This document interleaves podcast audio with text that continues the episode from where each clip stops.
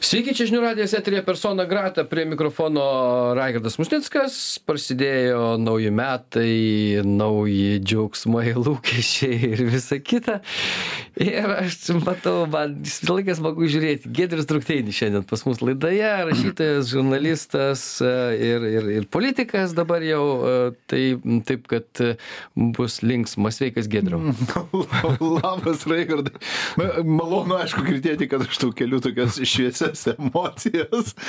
Matyti, aš gal, aš gal kaip, kaip netipiškas lietuvis, aš gal trikštų optimizmų ir tokiu tikėjimu ateitimi, ar ne? Apie tai ir kalba yra, dėl to, kad niūrus visi šiandien vaikšto, žinai, galva kam skauda po švenčių.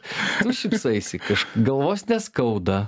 Ką nešventei, nesuprantu. Ne, aš švenčiau, bet, bet, na, kaip ir, kaip ir priklauso padariam piliečiui, padariam krikščioniui, kaip sakant, labai saikingai, labai viską pamatuodamas, pasverdamas, racionaliai. Su metais taigi atsiranda racionalumo jausmas, instinktas, netgi sakyčiau, ar ne, kuris, kaip sakant, padeda užkirsti kelius visoms ateityje galinčioms iškilti problemoms. Nu, bet be šventėsgi galima nutrūkti, pavyzdžiui, ten, sakykim, kiek čia tų dienų buvo, dešimt beveik dienų, Aha. ir gali ten be saiko valgyt, be saiko ten gert, ką ir darė nemažai lietuvių. Ne? Labai svarbu, Raigardai, kad tu paminėjai šitą, kaip sakoma, aspektą, nes, nes, nes kai mes sakome šventės, tai mes, na, dažniausiai kaip, na, kokie, kokie žodžiai asocijuojasi su žodžiu šventėmis. Na, va, kaip tu sakai, pavalgyti skaniai išgerti, nes atseit per metus to kaip ir neturi galimybių padaryti. Na, tada būtinai, aišku, asocijuojasi, kad reikia džiaugtis ir linksminti mintis. Tarsi per metus tu to negali tarsim kažkaip tai padaryt na tada aišku kažkoks tai poilsis. Niekas neina į darbą maždaug visi sėdi namuose pykstasi tarpusavyje arba vartoja kažką tai valgo geria ten žiūri tarkim televizorių ir taip toliau ir taip toliau. Irgi atrodytų tarsi tu negali susiplanuoti savo gyvenimo kad tavo ištisi metai būtų kaip šventė. Na taip tarkime sureguliuotų su sureguliuoti kad tu gautum atitinkamą ir ir visai tau reikalingą porciją ir visas dozes ir pramogų pinigų ir maisto ir gėrimų ir pabuvimo su artimais ir mylimais žmonėmis ir šeimomis ir taip toliau ir taip toliau. Dėl to, na, kažkaip, aš taip sakyčiau, galbūt nėra visiškai teisinga laikytis to tokio visuomeninio požiūrio, kad, na, atseit, visus metus mes čia dirbam, nuleidę akis į žemę, nepatenkinti, mm. apimti sielvarto, širdgėlos, ar ne, kaip mėgsta sakyti jaunimas, užsiparinę, ar ne. Ir, vad, pagaliau ateina kažkokios tai dienos, per kurias mes čia jau galime sauliaisti, pasilinksminti, ten, sakysime, pabūti su savo artimaisiais ir taip toliau. Man taip sausio pirmą tai būna, nežinau, liūdna labai kažkodėl. Tai aš nežinau, man, mane sausio pirmą dieną ėda depresija kažkokia. Tai. Ir, ir ne dėl to, kad ten baigėsi šventės, ten dar kažką ir kad reikia grįžti į normą, nebeėst, ko nereikia, visą kitą. Bet tiesiog, aš žinau, iš kur žmonės vat, išspaudžia tą naujų metų džiaugsmą tokį kodėl? Raigardai na visų pirma aišku na kiekvieni nauji metai tai yra ir ir pabaiga ir pradžia na visada aišku tai yra puiki proga na tiesiog įvertinti tai ką tu be abejo padarei nuveikei pasiekei kažką gero pasakei galbūt su su kažkuom tai susipažinai kažkokius tai projektus įvykdei ar dar kažkas tai ir taip toliau. Bet čia žinai čia čia čia būtų galima išvesti paralelę su tai žinai visais olimpiniais čempionais arba žmonėmis kurie na ten pavyzdžiui ten pirmą kartą šturmuoja kokią himalajų tarkime viršūnę viršukalnę. Ar ne, kai taip atrodytų, laimėjai ir nuo šitos akimirkos prasideda kelias tik tai žemyn, ar ne? Nuo mm. Himalajų jau tu aukščiau niekur nebepakilsi, jau dabar tau reikia apsisukti ir grįžti žemyn. Kaip ir atrodo, ta, tapęs olimpiniu čempionu, nu atrodo, jau čia viską įrodė visam pasauliu. Nu ir kas toliau, kaip rytoj atsikelti ir kaip gyventi, kaip susigalvoti kažkokią super olimpinio, tarkime, čempiono kažkokį tai titulą, kurio dar galėtum siekti. Dėl to gal tie ir, ir naujieji metai mums visada va taip kažkaip atrodo, va, nu buvo labai geri, faini metai metai staiga jie baigėsi ir štai kaip tu sakai, ne, sausio pirmą dieną apima depresija, nes maždaug, nu ir dabar vėl viskas pradės kartotis, vėl ta pati pilkuma, vėl ta pati skurdi būtis aplinkui, vėl tie širdgėlos apimti veidai, vėl tie aptrupėję fasadai, vėl tai įtempta politinė padėtis, vėl ten, sakysime, vėl ten ta pati, sakysime, kažkokia tai visuomeninė temperatūra pernelyg pakilusi ir taip toliau ir taip toliau. Dėl to gal tai mes, mes, mes, mes ir daromės tokie, na, tokie nelinksmi. Nes ko mums kaip visuomenei trūksta jau daug metų, tai mums trūksta to aukštesnio tikslo, kurį mes savo visada galėtumėm sakyti, kad žiūrėk, va dabar jau šitais metais mes dar veiksime vieną jo etapą, kokį kitą ir taip toliau. Žinai, Raigardai, aš jau kokius kokius penkis metus, ypač po to, kai, kai žmonija paleido Hubble, Hubble teleskopą ar ne, Webo teleskopus, na, žinai, aš jau kokius penkis metus laukiu artėjančio mūsų žmonijos skrydžio į Marsą, žinai, ir man tai, bet kiekvieni metai jie mane priartina prie to tikrai stebuklingojo momento, kuris man suteikia tikrai vilties ir optimizmo laukti, kada pakils ta raketa o, o, o su kam, mūsų pirmais astronautais. O kam? E, tam kad, tam, kad, tam, kad aš galėčiau savo akim iš tikrųjų pamatyti tai, ką mes visi matome fantastinėse filmuose, ar ne, kaip sakoma, mūsų šuolį jau išsiveržimą iš šitos kažkokios tai niekingos žemiškos orbitos su visom įkyrėjusiam ir banaliom žmogiškosiam problemom, kad mes galų gale pajudėtumėm ten į viršų, ką mums Dievas, kaip sakant, atvėrė neįtikėtino dydžio milijardinis kelius. Ten, va, tik tai nebent jeigu kalbant apie tavo tuos e, paminėtus e, Himalajus, ar ne, ten 8 km. Tai tai, tai Marse yra truputėlį aukštesnių kalnų. Ten, 20 km. 24 gal net. Raigardai, tu pats esi astronomas pagal išsilavinimą, ar ne? Ar tai nu, ne pagal visą išsilavinimą, bet, sakykime, Na, bet turiu daug. Domiesi, ar ne? Žinai, kažkaip tai, gal tu pastebi, ar ne, bet būtent su tais mūsų radio teleskopų, kaip sakant, išsivystimu ir tų spektrinių teleskopų atsiradimu ir, ir iš viso tų, tų, tų teleskopų dabar skrienčių per, per milijoną kilometrų nuo Žemės atsiradimu, ar tu pastebi, kaip staiga praturtėjo visas mūsų, mūsų žinių bagažas apie visatą. Ar ne? Aš tai pavyzdžiui, aš tai pavyzdžiui buvau apakęs, taiga suvokęs, kad, na, nu, žinai, oficialiai visatos ribos yra, kiek ten, apie 13 milijardų 13, šviesmečių. 13 milijardų 6. Ar ne? Ir mes pasirodo jau esame su savo teleskopais pasiekę 9 milijardų šviesmečių, jau, jau, jau, jau matome tai, kas vyksta už, už, už 9 milijardų. Tai čia atrodo, duok dar 5 metus ir mes to pasieksime visatos ribą. Ar ne, nu, kaip, kaip tu gali kaip žmogus, kaip sakant, nu, negyventi tuom, žinai, aš, aš kiekvieną dieną pabūdęs polu iš karto prie astronominių žinių ir žiūriu, ką dar mes čia nufotografavom ir kokią spektrogramą radom. Ir patikėk, ir patikėk tada ir visos sausio pirmosios ar gegužės penkioliktosios ar rugsėjo dvyliktosios visos jos tau staiga duoda kažkokią tai prasmę nes tu staiga tampi ne kažkokios tai ten valstybės pilietis kuris privalo tarkime išgyventi ten begalę visokiausių ten sielvartingų momentų bet tu staiga tampi visatos pilietis ar ne Nu taip pagalvojus. Nu taip, aišku, aš suprantu, skamba labai jau čia hipotetiškai, holistiškai, kaip tik tai nori. Bet tai, žinai, kažkaip... Bet aš negalvoju, kad tu žinai, aš laukiu, aš laukiu. Kažkaip tai jinai, aš kaip suprantu, turėjo 32 metais tą ekspediciją būti, bet dabar, aišku, dėl tų visų geopolitinių priežasčių, aš nežinau, jinai čia nusikelia kažkaip tai į priekį ar dar kažką. Nu bet laukiu. Labai laukiu.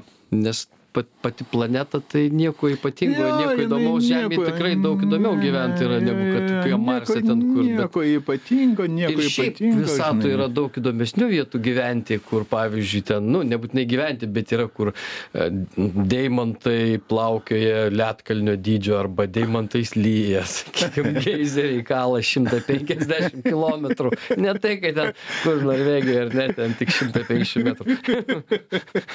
tai yra vietų pasidžiaugt galima, bet iš esmės mes ten dar negreit nukeliausim. Tai va. O šiaip visos naujienos po naujų metų, kaip tau jos, vat, tave dabar vat, taip kažkaip optimistiškai nusiteikęs viskas gerai aš čia darau laidas dabar apie tai kad nu nieko gero frontuose visokiuose liūdna o tu pats kaip raigardai aš tau pasakysiu šiandien staiga aš pastebėjau kad jau holivudas spėjo išleisti kino filmą kuris jau yra datuotas dvidešim ketvirtų metų. Su beje labai garsiais aktoriais na pavyzdžiui tokia dajana kyton ar ne ten nikolsono ir vudi aleno tarkim mylimąja Tai tu įsivaizduoji, žinai, nu, aš taip galvoju, nu, va čia tai naujiena, žinai, va čia tai, va, va, va atrodytų, nuo pat pirmos akimirkos jau tave vėl pradeda bombarduoti, ar ne, kaip sakant, pramogų pasaulis, kuris tau sako labai aiškiai, nesiparink, užsimiršk, pasižiūrėk filmą apie kažkokius hipertrofuotus žmogiškosius santykius ir taip toliau, turėk tiesiog gerą laiką, maistą dar likę nuo tų visokiausių švenčių, ar ne? Nu, tai, tai, tai tu man pasakyk, tai kom čia nesidžiaugti kažką, ką? Nu. Naujas nes absoliučiai naujas 24 metų filmas jau pasirodęs, kaip sakoma, mūsų, mūsų, mūsų prieinamose interneto platybėse. Nu, tai, ei, o, bet, bet tavo apranga tai tokia kariška. Teisingai, jinai kariška, taip, aš, aš, aš, aš vilkiu, aš nežinau, čia aišku, mato, ne visi turbūt mus mato ar tai ne, bet... Pasižiūrės, kas. Va, tai, tai taip, aš, aš, aš, aš vilkiu Izraelio armijos, kaip sakom, kad čia palaidinę, žiponą, ar kaip iš čia vadinasi, ar ne? ir visa kita, tuomi kaip ir, na, parodydamas aiškiai visiems, kurie su manim susidurėjo, kieno pusėje aš esu, ar ne, ir, ir, ir, ir, ir, ir kokias vertybės aš išpažįstu, kad ir kokias jas O, bebūtų. tu, vi- o ta prasme, vis tiek, tu žmogus, kuris apie Izraelį turbūt daugiau žino negu ten daugelis kitų žmonių ir, ir parašęs knygą, taip. esi didžiausia apie Taip. tai. Taip. Ir paskaitas skaitantis va, šitą temą, taip. Ir tau viskas aišku, kas ten vyksta. ne? Na, e, Izraelis, jeigu čia tu kalbėjai apie, apie dabartinę geopolitinę situaciją, apie karą, ar ne, Taip. Izraelio valstybė su, su, su Hamas, tarkim, teroristinė organizacija, nu, tai žiūrėk, tai, tai, nu, tai čia gali būti neiškaus, Reigardai. Izraelis daro tai, ką, ką jis darė 70 metų ir niekada neslėpė, kad jis tą darys iškilus tam tikrom aplinkybėm. Senajam testamente yra aiškiai pasakyta, kas aišku truputėlį prieštarauja mūsų krikščioniškajam požiūriui, Senajam testamente yra aiškiai pasakyta, akis už akį, dantis už dantį. Nelysk ir nieko tau nebus, bet jeigu tu, kaip sakoma, išties į mane savo nagus ir kreivas iltis, atsakymas bus tris kart stipresnis ir, tarkime, galingesnis, nes kaip žinia, Izraelio baudžiamajame kodekse nėra senaties termino, ten nėra jokio atlaidumo ir taip toliau. Vėlgi dar kartą pasikartosiu, akis už akį, dantis už dantį, kas aišku labai konfliktuoja su mūsų tuo tokiu, na kaip čia pasakyti, tokiu moraliniu imperatyvu, kuris, na, kaip sakė Kristus, mylėk priešą savo, pabučiok priešą, gavęs per vieną žandą, su kitą ir taip toliau. Čia aišku galima įvairiai interpretuoti, bet taip, taip primityviai, grubiai, grubiai, kaip sakant, išsisakant, dėl to mums ir kartais yra sunku suprasti, tarkim, Izraelį, kodėl jis toks yra aršus, ar ne, kodėl jis toks agresyvus, karingas ir taip toliau. Bet, sakau, atsakymas glūdė jau net, tarkime, šventuosiuose raštuose. Ir dar kartą aš pabrėžiu, Izraelis niekada šito neslėpė. Ir Izraelis tą sakė, nepaisant visų jungtinių tautų rezoliucijų, politikų įkalbinėjimų, visokių ten smerkimų įvairiausiose konferencijose, arba tiesiog vien nepaisant žmogaus moralės evoliucijos, kurią mes, kaip sakant, jau aš ir tu turėjom irgi progos 50 metų matyti, kaip keitėsi iš viso, viso pasaulio, tarkime, samprata. Ir tikrai galime pripažinti, kad, kad, kad, kad, kad jinai yra tikrai evoliucionavusi ir yra tikrai pasidarusi tikrai geresnė, ar ne. Bet dėja, Izraelis yra tokia valstybė, kuri neturi užsienio politikos, jinai turi tik tai išgyvenimo politiką. ar ne? Ir kiekvienas žydas, tarkime, šitą puikiai supranta ir ko mums iš tikrųjų rei- reiktų pasimokyti iš jų. Tai vėlgi ne to agresyvumo, ką mes aišku turbūt neturime tokių, tarkime, materialinių arba, sakysime, na, kaip čia karinių, tarkime, galimybių, bet mums reikia, na vėl, truputėlį suvokti tą, tą tokį šventųjų raštų užprogramavimą žmonių sąmonėje. Na, ką aš turiu omeny, na, tiesiog kaip, kaip yra sakoma, kai, kai Mozė ėmė iš Dievo tos dešimt įsakymų iškaltų akmenyje, ne, pagal žydišką moralę, tame procese dalyvavo absoliučiai kiekviena žydiška siela. Dabartinė, praeities ir taip toliau. Kitais žodžiais, Izraelis tai yra kiekvienas žydas, o kiekvienas žydas tai yra Izraelis. Ir Izraeliui yra visiškai nesvarbu kažkokia statistika, kurią mes dabar esame įpratę vertinti iš tolo ir visada ten, na, ten operuoti tokiais skaičiais, ten, ten žudavo, ten 2000 ten žmonių žuvo, 200 tūkstančių žmonių. Ne, viskas visada susiveda į vieną žmogų. Ar ne? Ir jeigu vienam žmogui yra blogai, vadinasi, visai valstybei yra blogai. Ir jeigu vienam žmogui iškyla kažkokios problemos, visuomenė sprendžia šitą problemą, nes tai vieno žmogaus bėdos yra visos visuomenės bėdos, kaip ir vieno žmogaus džiaugsmai yra visos visuomenės džiaugsmai. Tai vat, vat tokį solidarumą mums kada nors ateityje išsiugdyti, na, to aš turbūt palinkėčiau kiekvienam mūsų politikui arba visuomenės veikėjui. Gerai, e, Gedrius Dukteinis, rašytojas ir žurnalistas šiandien mūsų laidoje, padarom trumpą pertrauką, po pertraukos pratęsim. Tęsime persona grata, Gedrius Drukteinis, e, e, rašytojas ir žurnalistas ir, ir dabar jau ir politikas šiandien mūsų laidoje. Mes čia šnekamės, aišku, apie naujų metų sandorą ir apie tai, kas labai svarbu, aktualios. Ne, ne, ir, ir, ir Gedrius yra iš vienas iš autorių knygos apie Izraelį. Vat e, tau, tau pačiam, vat, o tu jį atradai Izraelį dėl ko?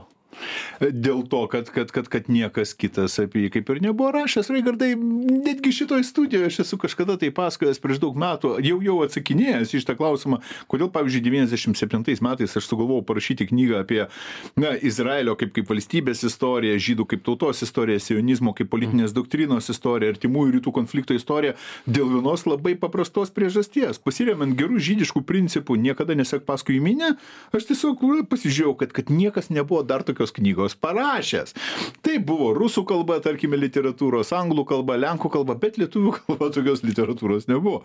Atsisėdau ir parašiau. Ir čia Bet, yra bet tu netapai dėl to, nu, va, ką reiškia parašiau, žinai, parašiai tai reiškia, kad, nu, tam tikrą prasme a, tu tapai, e, š, nu, to šalies galbūt didesnis žinovas negu bet kas kitas ten galėtų būti, ar ne, bet, bet iš principo dėl to tau ir simpatijos atsirado tai šaliai, tu dėl to tu ir, vat, nu, sakykim, tu e, nešioji ka- karišką uniformą, gal jeigu karas, gal ten galima į rekrūtus susirašyti būtų, žinai, iš principo, ar, ar tai, ar vis dėlto tu matai, nes kai karas prasidėjo, gi labai daug nevienareikšmiškų ten buvo klausimų apie tai, netgi patys jau ten artimiausi sąjunga, amerikiečiai tai jau ten ramino, kad, nu, maždaug ne, ne taip baisiai, gal reikėtų kažkaip kariauti ir šiaip šitaigi jie ilgų karų ne, nelabai mėgsta, jie ten Nu, jie tiesiog ne, negali jų, kaip sakant, atlaikyti. Kiekvienas karas, nu, tai kiekviena diena valstybei kainuoja ne tai, kad ten dešimtis milijonų, kiekviena diena kainuoja šimtą milijonų. Tiesą sakant, čia buvo viena iš tų priežasčių, kodėl jie kaip ir e, pramiegojo tą užpolimą, nes, nes, nes, kaip sakant, vėlgi mobilizuoti savo pajėgas, jau vien mobilizuoti jas nekariaujančias jau kainuoja 10 milijonų, tarkime, per dieną ir taip toliau. Pramiegojo, bet jie iš tikrųjų pramiegojo tavo akimi žiūrint. Žiūrėk, prieš 50 metų, Raigardai, žinai, 73 metais, ar ne, kaip, kada vyko tas Jom Kipur karas, taip vadinamasis, arabų vadinamas spalio karu, ar ne, jis irgi, kada Egiptas ir Sirija užpuolė iš dviejų pusių Izraelį, tai tai buvo irgi panaudotas tas pats modelis, ar ne, kaip ir priešas pritraukia pajėgas prie Izraelio sienų, Izraelis kelbia alarmą, vėl surenka visus rezervistus, visi susėda į tankus, sušoka į savo blindažus apkasus. Tai reiškia, kad žmonės taiga pasitraukia iš ekonominio proceso ir vietoj kuriejų tampa vartotojais ir valstybė yra priversta kompensuoti ar ne šitą netikti. Nu, va, Raigardas, va, nebeveda laidų, o sėdi ten kažkur tai Sinajaus, tarkime, dykumo ir taip toliau ir taip toliau. Ne?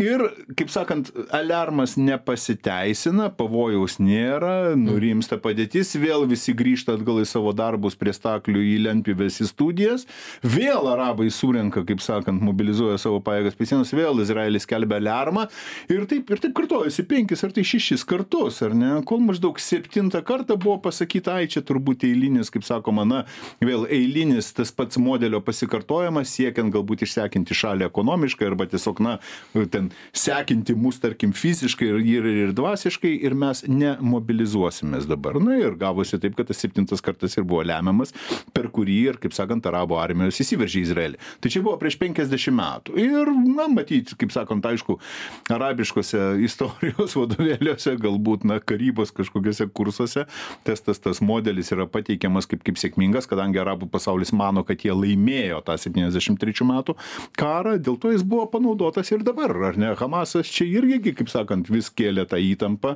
vis vertė Izraelį laikyti kažkokias tai didelės pajėgas, kol galų gale, na, aritmetiškai buvo paskaičiuota, kad gal neapsimoka tokių pajėgų, neapsimoka čia tas sienas, tarkime, blokuoti ir taip toliau ir atsitiktų man taip, kad vėl. Bet Hamasas jisgi turėjo įsivaizduoti vis dėlto, kokia bus reakcija. Ką, ką apskritai galėtų, vat, mes, nu čia dabar hipotetiškai keliam Mhm. klausimą, ar ne, bet, nu, vat, ką Hamasas, ten, oficiali partija, reiškia, iš esmės, ką, ką, ką galėtų galvoti, uh, vat, ko, kokį tikslą siekia? Nu, Raigardai, tavo paties žodžiais, tavo paties žodžiais aš atsakysiu, žinai, mūsų yra didelė labai bėda, kad mes apie viską bandome įsivaizduoti ir viską įvertinti iš racionaliai mąstančio, išsilavinusio, inteligentiško žmogaus perspektyvos. Vat mūdu būdu, vat, ar ne, sėdim čia šilto jaukioj studijoje ir sakom, nu, nu mes tai tikrai turbūt, sakysime, tokio dalyko, tarkime, nedarytumėm arba, na, sakysime, nekeltumėm savo kažkokių tai tokių tikslų ir taip toliau. Bet reikia suvokti anam regione gyvenančių žmonių men mentalitetą, kas mums yra praktiškai neįmanoma. Kaip ir daugeliu atveju mums yra neįmanoma suvokti, pavyzdžiui, XIX amžiuje gyvenančių žmonių mentalitetą, jau nekalbant apie viduramžius arba antikos laikus, ar ne, kai mes bandome praeitį vertinti iš, iš, iš, iš dabarties perspektyvos, daug kas atrodo, ar ne, toks kažkoks chaosas, ar ne, kebeknė, tokia visiškai, tarkime, kažkokia neracionali ir taip toliau. Bet, vat, kalbant apie šitą Hamas atvejį, turiu omenyje, tai yra žmonės, kurie visiškai kitaip mato gyvenimą, kurie visiškai kitaip vertina mirtį. Nu, išvertus į lietuvių kalbą, kurie visiškai nebijo mirties, ne, kurie visiškai neturi ko prarasti, kurie nuo pat mažens, kaip sakant, aiškiai žino, kas yra jų priešas, kuriuo absoliučiai kiekvieno giminėje yra dėdė, pusbrolis, senelis, kuris yra, kaip sakant, nukentėjęs nuo Izraelio valstybės, na, kaip jie vadina ten, tarkime, represijų arba ten žiaurumo ar dar kažko tai ir taip toliau ir taip toliau. Visas folkloras aplinkos yra pastatytas ant, tarkime, priešiškumo Izraeliui arba žydams. Čia irgi reikia, tarkime, suvokti irgi tokį truputėlį vieną politinį niuansą. Daugelis tų partijų yra ne prieš žydus, jos yra prieš Izraelį kaip valstybę arba jos yra prieš sionizmą kaip, tarkime, politinę doktriną.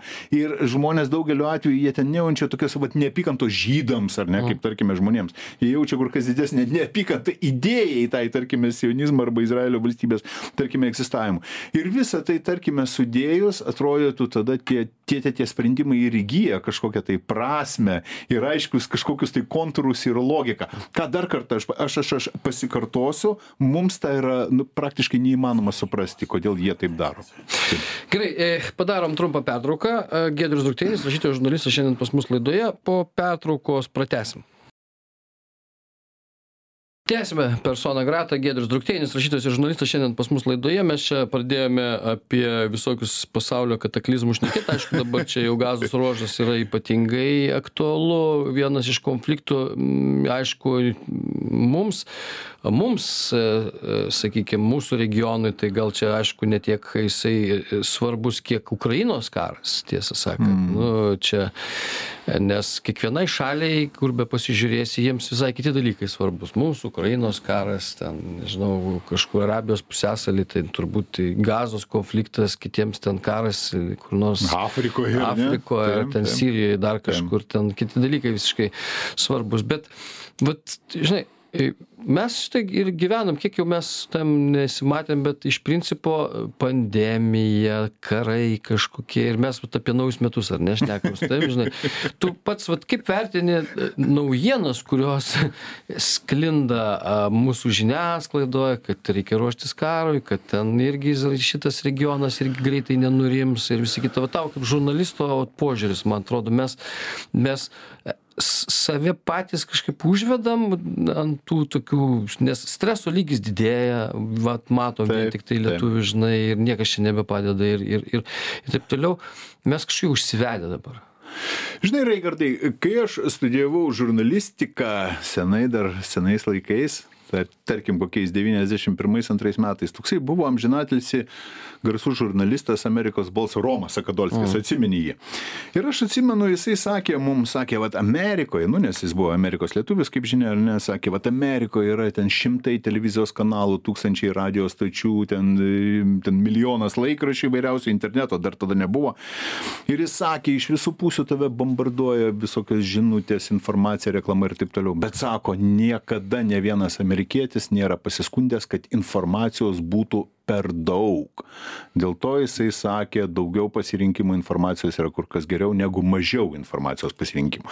Man tie žodžiai kažkaip įstrigo ir aš jais tikrai nuoširdžiai tikėjau visą gyvenimą. Ir man tikrai atrodė, na, va tu, ten, kiekvieno žurnalisto gi darbas ar ne, misija yra a- akumuliuoti kuo daugiau gerų minčių ir jas leisti į viešą erdvę ir tikėtis, kad kuo daugiau žmonių jas išgirs ir, tarkime, priims.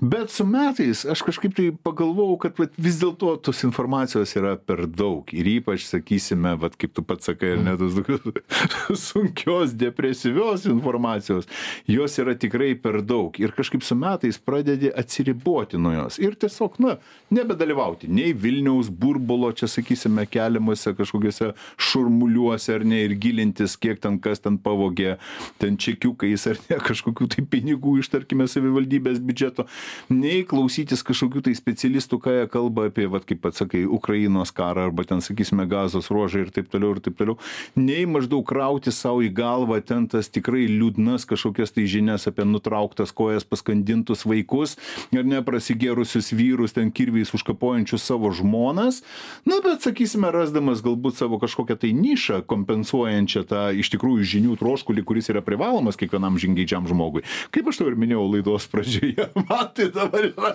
visa ta ko, kosmosas, aš kiekvieną kiekvieną dieną žiūriu, ką naujo atsiuntė Webo teleskopas, ką naujo atsiuntė Hublas ir, ir visa kita. Ir čia yra mano žinios. Čia, čia vad iš tikrųjų yra mano įstra, kurios aš laukiu. Ne, nu, aš suprantu, tai gerai, bet elgesi, pavyzdžiui, kokį nors koreguoja ar ne. Nu, vad sakykim, žinai, kiekvienas mes priminėjom kiekvieną dieną kokius nors sprendimus ir susijusius su ateitimi, ten, žinai, su pensija, su investicijom, su dar kažkuo tai. Ir, ir kai tu, e, vat, matai tokį lauką aplinkos, tu kaip ramiai, tai galvoji, ai, nieko čia nebus, žinai, aš tikiu, čia NATO, viskas. Aš tikiu, taip, taip, taip, aš šiaip, aš šiaip tikiu, aš tikiu aparatu, aš tikiu sistema, aš tikiu NATO, aš tikiu, kad, kad kažkur tai susijęs karaliai, imperatoriai, prezidentai, popiežiai, sumuš rankomis viską, tarkime, susitars, ar ne, aš tikiu inžinieriais, kurie, aišku, sukurs kažkokias tai, tarkime, sistemas padedančias mums, tarkim, apsiginti ir taip toliau, ir taip toliau. Vis tiek šiais bendro solidarumo laikais, kas galų gale pavyko į, įgyvendinti seną žmonijos istoriją nuo pat antikos laikų, tai yra, vat, kaip sakant, žmonijos susivienijimo, tarkime, konceptą paversti kažkokią tai realią, tarkime, tikroją, man atrodo, jisai, jinai yra, tarkim, pavirtusi realybė ir jinai stiprėja sulik, tarkime, kiekvieną dieną. Mes žmonės kaip, kaip, kaip, kaip, kaip bendryje, mes, mes mokame kolegialiai, tarkim, išspręsti, išspręsti problemas. Dėl to individualaus žmogaus nusiteikimas, ar jis yra prieš Izraelį, ar jis yra už Izraelį, ar jis už Ukrainą, ar jis yra prieš Rusiją, ar dar kažką tai ir taip toliau, iš tikrųjų bendram kontekste pradeda nieko nebereikšti, ne? Nes, na, kaip sakoma, aparatas visą tai išspręs.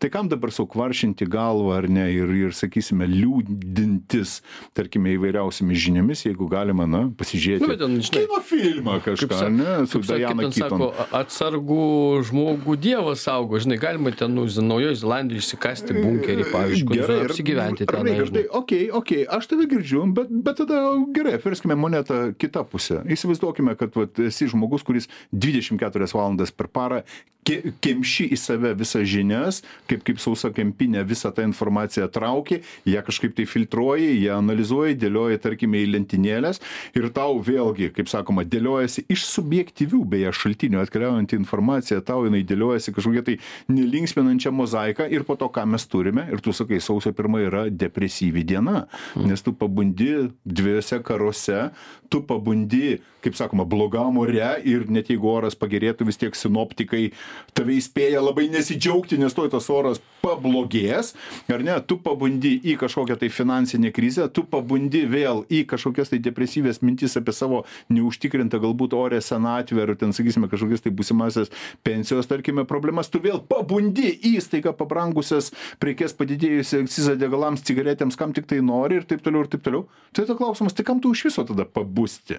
Ar ne? Jeigu, sakysime, gyvenimas yra sudarytas vien tik tai iš tokių smulkių elementų, kurie tau tik tai gadina, kaip sakoma, gadina visą gyvenimo malonumą ir tas gyvenimas nebeatrodo košer. Jis atrodo trefnas, ar ne? Kažkoks tai, nu, kažkokia ištisinė kančių virtinė, ar ne? Nu, nuo, nuo, nuo pačios smulkiausio iki pačių didžiausių, stambiausių geopolitinių. Tai kur tą optimizmą rasti dabar?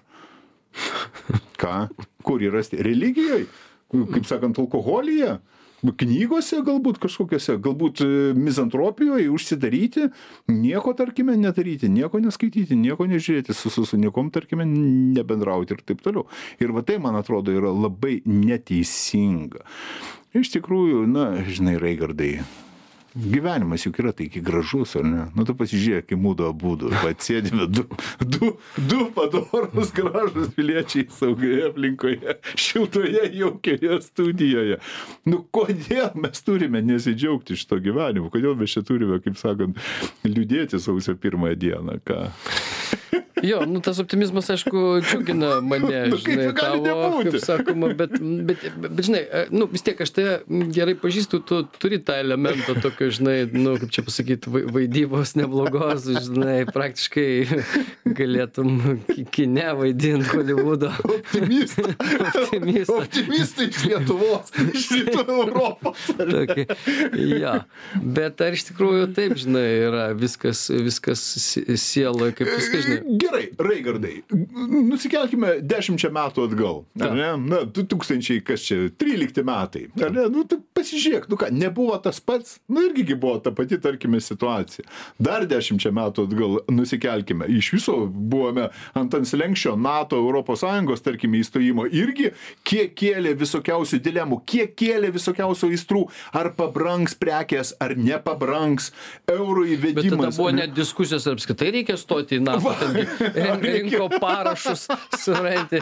Ten pavil- pa- paviljonis amžinatilsi, man atrodo, universitete buvo net Nu. organizavęs parašų rinkimą a, apie tai, kad nereikia Nu, stoti. tai Kas dabar galėtų- kiek buvo Tai va- hemorojaus, Tai vadinasi, ant kiek buvo situacija, m, reiškia, tuo metu atrodė saugi, ar ne, kad net kažkas galėjo svarstyti, kam tas NATO, čia, kam, kam čia reikia, niekas šitas rusas niekada nepuls ir ant kiek pasikeitė dabar viskas. Ne, nu, bet žinai, tipo, Raigardai teisingai sakai, jinai buvo saugi ar ne, kaip sakant, mentalitetas mūsų sakė, taip mes esame saugus, bet tu pasižiūrėk, stojimas į NATO, kiek jisai iš karto automatiškai žmonėms atnešė vėlgi tų tokių menamų grėsmių, kad mes dabar tapsime taikinys ar ne, mes dabar privalėsime dalyvauti agresyvioje JAV užsienio politikoje ir, tarkime, visokiausiose karuose ir taip toliau ir taip toliau. Vėl, kaip sakant, buvo begalės priežasčių liūdėti, tarkime, sausio pirmąją, ar ne, dar prieš dešimt metų atgal vėl ten visokios privatizacijos, ar ne, ten kažkokie projektai statome ten tos valdovų rūmus, nestatome, ar ne, vėl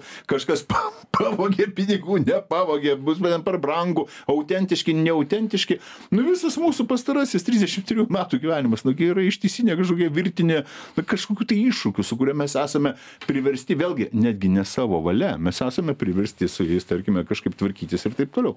Koks prieš tai priešnodis? Kažkas pasirinko galbūt e, Xanaxą, kažkas pasirinko alkoholį, kažkas pasirinko religiją, kažkas pasirinko visišką, tarkime, abejingumą ir, ir, ir visą kitą.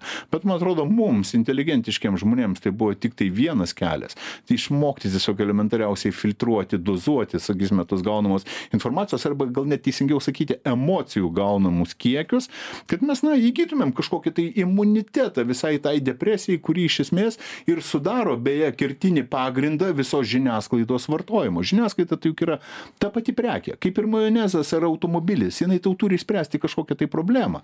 Jinai tau turi visada priminti, ar ne, kad vat, yra vienaip arba kitaip, trečiaip ir taip toliau, tam, kad tu įsijungtum kažkokį tai kanalą arba klausytumės, tarkime, žinių radijų. Ir aišku, ką, ką čia jau, ką čia jau, ką čia jau bekalbėti, žydai Hollywoode jau prieš daug dešimtmečių suprato, žmonės ką geriausiai perka, jie perka blogas naujienas geriausiai. Kodėl jie perka tas blogas naujienas? Nes kiekviena bloga naujiena visada primena tau, kiek gerai tu pats gyveni. Ir tu skaitydamas žinias iš Ukrainos, iš gazos ruožo, apie kažkokius bankrutavusius verslininkus, apie kažkokius tai ten, sakysime, ten žmonas užkapotas kirviais, tu visada gali apžvelgti savo skurdžią būti ir pasakyti savo, bet ne man tai atsitiko. Aš tai čia sėdžiu sveikas, gyvas. Ir netgi kai jūs žiūrite visus pramoginius, linksmus šou, kuriuose žmonės dainuoja siekdami vietos Eurovizijoje arba šoka įvairiausiose šokių duetuose, arba, arba, arba prakaituoja ieškodami atsakymų auksinėme prote, jūsgi irgi sėdėdami prie televizoriaus ekrano sakote savo, kokie durni ir negabus žmonės nežino atsakymo. O aš tai jį žinau. Ir tu pasižiūrėk, kaip jie nusidainuoja, kaip jie blogai šoka.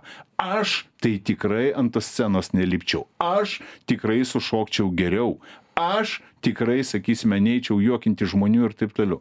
Dėl to visas tas feilas, visos tos blogos žinios, jos iš tikrųjų daro jūsų visų gyvenimą Nu, taip, geresnį. Bet, bet iš kitos pusės, e, e, jeigu mes, matai, gerai, kad ten, žinai, tu optimistas, sakykime, ten, ten, aš irgi pusę optimisto esu, E, bet kiti žmonės pagal tas žinias konstruoja paskui savo, reiškia, veiksmus, sprendimus, ten, reiškia, perka kažkur būtus Ispanijoje, čia parduoda, sustabdo savo gyvenimus, kažkaip tai jie ten, nu, nelaiko taip, kad, vat, na, žinai, čia viskas išsispręs ir viskas čia bus gerai. Ne, priminėja įvairius sprendimus, kurie kenkia jų pačių gyvenimui, kur kenkia jų ekonomikai, kur kenkia apskritai kokiai nors ten politiniai mąstysenai ir taip toliau. Ir čia prasideda tie dalykai. Vat kodėl mes neturim pranašų, kaip tu sakai, žinai, nu, tai aš ten neturėjau apie karą, nu, kaip sakyt, niekas nerašė apie Izraelį, aš prašiau, Taip. žinai, tai kodėl mes vat neturim tų žmonių kurie kurie negroja tame chore visame žinai baimių ir skatinimo ir visa kito o o sako nieko čia nebus nu aš mat viskas čia bus gerai taip kaip nu maždaug taip žinai supranti nu kodėl kodėl taip žmonės raigardai žinai na manau mums išpuolė iš tikrųjų labai tokia karti dalia gyventi tokioj epochoj kada iš tikrųjų ideologija pradeda keliauti nebe iš viršaus bet jinai pradeda keliauti iš apačios. Tai yra kiekvienas kad ir menkiausias žmogus staiga įgyja galimybę išsisakyti būti išgirstas ir sakysime ten sakysime tą savo nuomonę kažkaip tai apginti ir negana to netgi sutelkti apie save tarkim kažkokį tai pasekėjų šalininkų ratą. Dėl to gaunasi taip kad kad dažnai tas tas na tai ką mes tarkime inteligentiški žmonės vadiname racionaliu protu arba na kažkokia sveika gyvenimiška logika jinai staiga pasirodo visiškai bejėgė prieš kažkokį tai minios instinktą prieš kažkokią tai emociją prieš kažkokius tai ten sakysime garsius riksmus kurie yra na paremti ten pasiskaičius ten kažkokio ten rusų daktaro smirnovo knygos apie ten kažkokių tai žolelių arba ten antivakcinacijos ten sakysime kažkokią tai naudą arba ten skiepų kažkokią tai žalą ir taip toliau ir taip toliau. Ir tu staiga supranti kad tie vat visi daugybos lentelės argumentai elementarūs arba fizikos dėsniai jie nebeveikia. Ir tu esi staiga vat na atsiduri vat vat tokiam chaose aplinkui tave visi vat vat turi galimybę kažką pasakyti. Visi turi galimybę apginti tą savo nuomonę. Ir dėl to atrodytų kada vat sakysime žmonės aimanuoja kodėl lietuvoje neatsiranda lyderis kuris va ten viską sutvarkytų ir taip toliau. Man atrodo dėl vienos paprastos priežasties nes nes bet kuri iškilesnė asmenybė yra labai lengvai vulgarizuojama. Tu visada gali ją ją ištepti kokiu tiktai nori materialu ir taip toliau ir ten pripiešti jam ragus ten dantis ar ne memą ten kokį apie jį kvailą tarkime sukurti ir taip toliau. Ir man toksai kaip ir žinai ryškiausias pavyzdys ar ne toks kaip ir indikuojantis visas tas mūsų šiandien tok toks nusakantis tas mūsų šiandienines problemas tai yra na ramūnas karbauskis kada jis paėmė valdžią šešioliktais metais ar ne. Kiek jis turėjo idėjų kiek jis turėjo iniciatyvų gerų negerų ne apie tai kalba. Kvailų ar ten sakysime prasmingų ne apie tai kalba. Bet jis buvo nu mano manymu jisai stengėsi tapti lyderiu. Ar ne? Atsimenat ten tautiniai kostiumai ten kova su tarkime alkoholio vartojimu. Ir dabar pasižiūrėkit absoliučiai kiekviena jo idėja buvo kaip sakant sutikta priešiškai. Jinai buvo vulgarizuota iš jos buvo pasišaipyta jinai buvo sutrypta visokiausiose humoro laidose ten vilniaus burbule feisbuke you name it kaip sakoma ar ne ir taip toliau. Kol atėjo laikas kai ramūnas karbauskis pasakė nu ir žinai na ir pasikarkit jūs čia visi numojo ranka ir taip toliau. Kas nėra aišku lyderiška savybė jis turėjo eiti iki galo ir visa kita bet man atrodo visas tas savo iniciatyvas jis dar nebuvo išmokęs politinio veikimo nu, bet, tokio, žinai, Raigardai, bet tai nėra teisinga, bet jis turėjo bent jau viziją ir man atrodo, bet, bet, bet kodėl jį vat, Lietuvoje ir nebeatsiranda tokių vizionierių. Čia yra vienas turbūt tik tai pavyzdys iš daugelio, ar ne, kaip vat, atrodytų, nu tu gali čia skelbti kokias tik tai nori idėjas, nu bet jos bus gal ten aktualios, tai kokie 60 sekėjai, o tarkime, Facebook'o paskyroje, ar ne, ir dar nedaug dievė, tu dar ten tapsi, ten sakysime, kažkokiu tai ten dviračio žinių arba kakadų ten penktadienio, tarkime, kažkokiu tai ten pašaipų, tarkime, objektų. O to turbūt nenori niekas, nes visiems reikia bendrauti su savo artimaisiais ir visiems po to yra sprangu ir pikta klausytis iš savo artimųjų, kad tai tėveliai ten, žinai, dėl tavo ten, sakysime, kažkokiu tai ten prajovų arba ten radikalių pasisakymų, aš negaliu ramiai ateiti į mokyklą arba, arba sėdėti su savo draugiam buhalterijoje, buhalterijoje kažką ir taip toliau, ar ne? Nu, nu nenorigi šito turbūt niekas. Nu, bet, nu, vat vis tiek, žinai, e, kažkaip tai reikia nugalėti tą baimę savietą, kai, žinai, atmetimo kultūrą, visą, kitą. Jo, nežinau, bet kai- nu, žinai, Raigardai, manau, rasim kažkokį tai būdą, žinai, kažkokį tai būdą. Ar čia toks paauglystės amžius valstybės yra dabar, vat, per tą pereiti, žinai, tas patyčias tokias. Jo, nu, jo, galbūt, galbūt taip, galbūt tai, tai jo, teisingai sakai, žinai, gal čia yra paauglystės amžius, mes turime tiesiog iš to išaukti. Aišku, truputėlį mm, pikta, kad jis taip, taip ilgai, tarkime, trunka, nu, aišku, čia ta technologinė, tarkime, revoliucija irgi, aš sakau, jinai, jinai iš principo pakeitė visą tą tokią, na, kaip čia pasakyti, visuomeninę ideologijos skelbimo struktūrą. Anksčiau tai va buvo aišku, va atsiranda ten kažkoks tai ten, ten diktatorius, ne diktatorius, ten vizionierius, Kristus, kas tik tai nori, va jis pasakė, minios juom tiki. O dabar va atsirado, kaip sakant, minios. Ir Nu, bet čia gal mitas. Gal, žinai, Ne? gal taip atrodė savo laiku. Nu, žinai, po per daug metų tūkstantmečių praėjus gal taip atrodė kad visi ten tikėjo žinai gal ten nieks netikėjo gal ten trys pasekėjai buvo tiktai ir visa kita bet per daug sluoksnių užsi užsimiršta tie dalykai užsikloja įvairiais sluoksniais mitais pasakojimais pasakomis visa kita ir susikuria dabar religija susikuria žinai ir ir ta tauta kokia nors jinai susigalvoja tai kas jai labiausiai tinka ir ir paskui žinai ten nu vat. Bet atsiprašau, Raigardai, šitoj vietoje aš tu pasakysiu, kaip yra sakoma mūsų tautiškoji gesmė, mūsų valstybės himne, ar ne? Iš praeities tu turi savo stiprybę semtis. Kad ir kiek jinai būtų mitologizuota, arba, kaip sakai, užsidengusi jau sluoksniais įvairiausių folklorų, pasakų, mitų, legendų ir taip toliau, ar ne kažką, vis tiek tu, bet, bet ten randi tą savo moralinę imper, imperatyvą, jeigu taip įsireiškus mandrai. Ten tu randi tą atspirties tašką, nuo kurio tu gali atsispirti ir sakyti, aš esu lietuvis, aš esu europietis, aš esu Lietuvos pilietis, aš esu rytų europietis, aš esu ten anas, trečias, penktas ir va čia yra mano matrica, ar ne, kurią aš ginu, kurią aš puoselėjau, pagal kurios, tarkime, taisyklės aš, aš gyvenu ir tikiuosi, kad ir kiti žmonės aplinkui mane darys, tarkime, tą patį.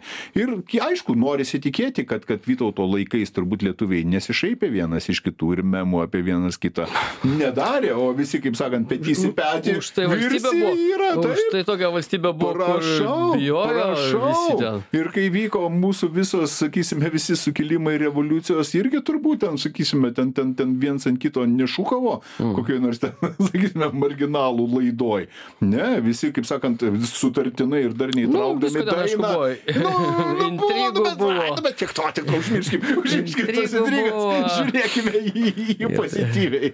Tik tai tiek, kad aišku, kaip keista, kad mes na, sulindom į miškus, paskui visi kažkodėl tai liko ten tos Vėl valstybės ne daug. irgi- Žinai, tai vat, ką vėl, kaip semtis, iš kurios žinai. vietos dabar tos stiprybės semtis, tiesą sakant. Man atrodo, aš net, aš net Alfredo Bumblausko esu klausęs, tarkime, šito klausimo, man atrodo, netgi šitoj beje studijoje. Kiek aš atsimenu, tada profesorius sakė, iš tikrųjų sakė, man pagrindiniai herojai yra sausio 13. Visa vat, mūsų tauta sausio 13 dieną. Vat, vat čia yra ta praeitis, iš kurios mes turime semtis stiprybės. Ne Vytautas, ne ten kažkokia valakų reforma, ne ten tie liberum veto, kažkokios ten konstitucijos 63 metų sukilimai ar ten, ten 20 amžiaus pradžios socialistai, bet būtent sausio 13. Ir aš pagalvojau, iš tikrųjų labai logiškas atsakymas, labai jisai yra, tarkime, prasmingas, nes man atrodo, mes turbūt niekada nebuvome tokie susitelkę kaip, kaip, kaip tomis dienomis, ar ne, prieš 33 metus.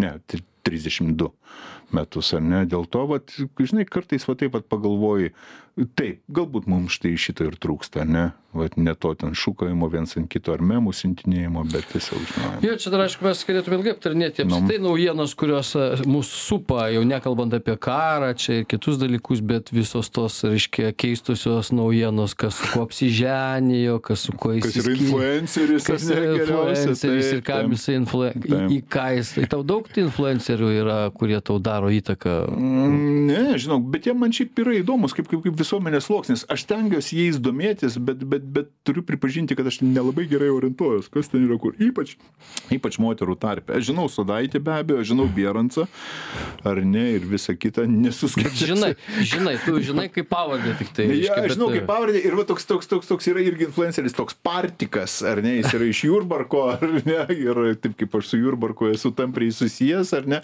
tai va kažkaip, aš žinau, kad jis kažkaip garsina Jurbarką, bet vat kažkaip tai labai buvau nustebęs, kad jis už, už tą savo influencinimą kažkaip, va, va tokius mankus atlygius gauna.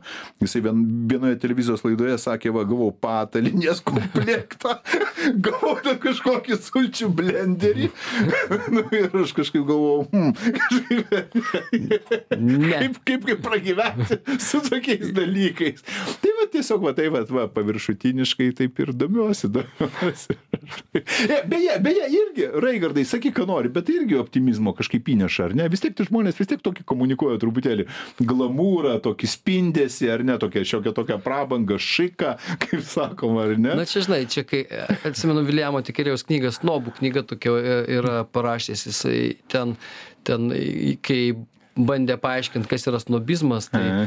Tai kad ten per daug sudėtingai nebūtų aiškinama kas yra snobizmas ten žinai sine nobilitate ir visi kiti tie dalykai tai ten paaiškino labai paprastai e, kikilis su povo plunksnomis žinai nu tai va tai iš serijos. Beje beje kalbant apie dovanas beje aš tau pasakysiu raigardai aš norėčiau visiems e, lietuviams tokį duoti patarimą. Jei norite pasirodyti tikrai snobas savo aplinkoje tai dabar vakaruose yra labai madingas toksai snobiškas būdas. Tai yra nupirkti dovaną ir e, demonstratyviai palikti čekį toje dovanoje, kad, kad žmogus galėtų dovaną išviniojęs pamatyti, kiek visas tas reikalas jam kainavo. Ne, va, va taip. Va, tai va, va čia jau yra dabar vakaruose skaitosi aukščiausias snobizmo pasiryškimo būdas kažkas. Tai to ir palinkėsime Baig- nu, tai dėkui tau už tą šviesą Ačiū. ir kaip sakoma iki kitų kartų Viso gero.